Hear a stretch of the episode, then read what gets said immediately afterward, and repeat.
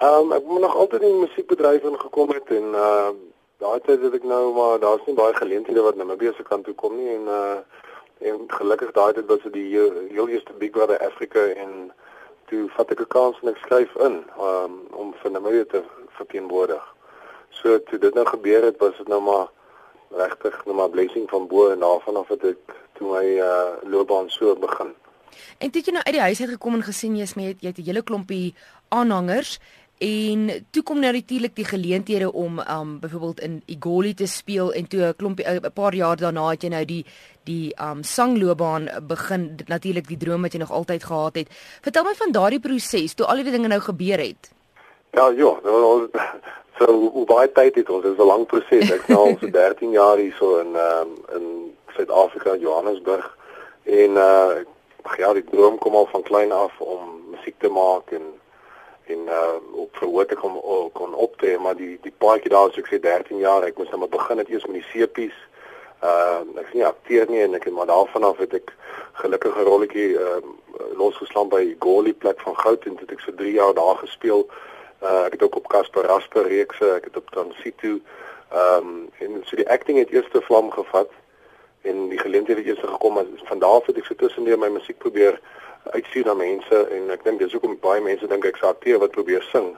Uh maar ek was nog ek's nie eintlik 'n akteur nie, ek was nog altyd 'n musikant en 'n liedjie skrywer. Die die die die die TV-reeks en dan het maar net eers op my pad gekom ehm um, uh, genadiglik en so maar ja, so die paadjie is lank is nog steeds 'n proses. Uh elke jaar as ek besig ek uh, doen vreeslik baie goed met die musiek is baie duur om liedjies op te neem. Daar's baie goed wat ingaan in dit wat die mense nie altyd besef nie, maar uh as dit jou passie is dan dan voel jy dit nie of jy werk nie. Hmm.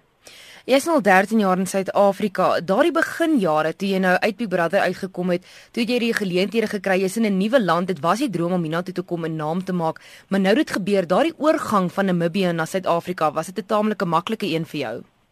Nee, nee, nie so maklik nie, want ek het 'n sak en pak alleen, ek het ehm um, ek het 'n besigheid gehad in in Namibië, ek het forensies gedoen, ek het poligrafie, so ek het my eie besigheid gehad, ek moes daai uh toe maar of ek het vir 'n tydjie dit maar gedoen so jaar toe sien ek uh, dit is moeilik as ek nou ver van my goed af is en ek het 'n uh, girltjie gehad wat ook die toetse gedoen het in my kantoor geran het maar dit was net te moeilik. Toe verkoop ek my goed en ek moes alles maar laat los. My ma en pa en my broer was ook nog in Namibië so ek het maar sak en pak alleen hier toe gekom. Ek het nie veel geweet uh waar en wat nie. Ek het nie uh my mense wel as jy ander vriende land ook vir my so ek het nie ek het nie baie um backing gehad van mense wat ek uh ek het maar so leer die mense ken en so so dit was vir my 'n moeilike oorgang ek moes maar alles self doen en self leer self my kop staan baie geld skoolgeld betaal soos hulle sê uh om om te kan doen wat ek doen En toe om in om in die bedryf in te gaan, jy het natuurlik eers begin by TV.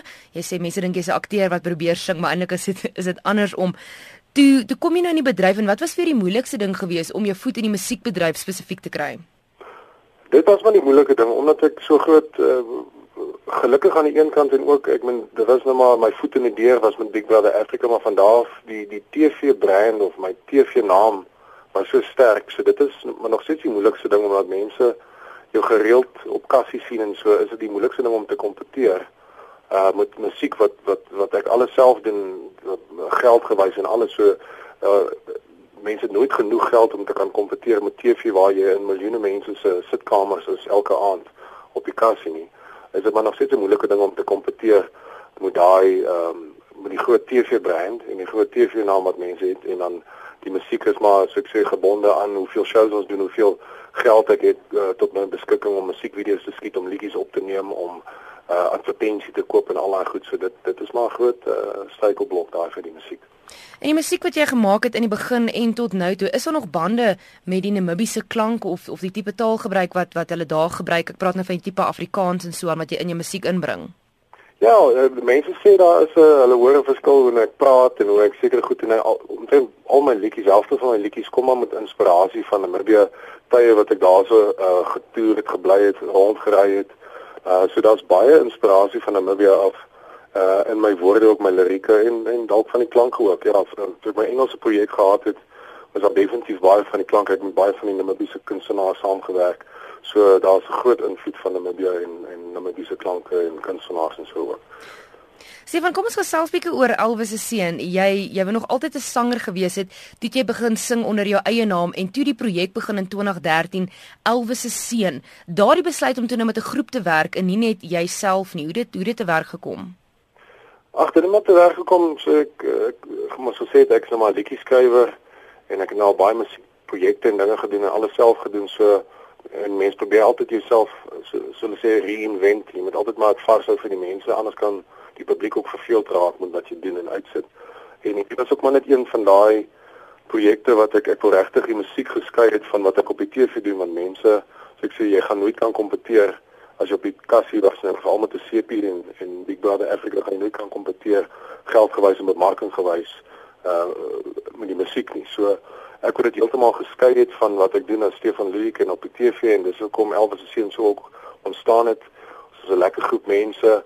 Ehm um, en en die musiek praat vir homself. Dit niks te doen met die TV nie. Ons is karakters op ons eie. Ons uh en dit is dis 'n lekker tong in die kies, lekker kleurvol uh, vir jonk en oud na die nostalgie nostalgie van die uh rock and roll era van Elvis se musiek en die klanke en die jong mense geniet weer ehm um, die die lekker moderne dansklanke en sokkieklanke wat ons ook inbring.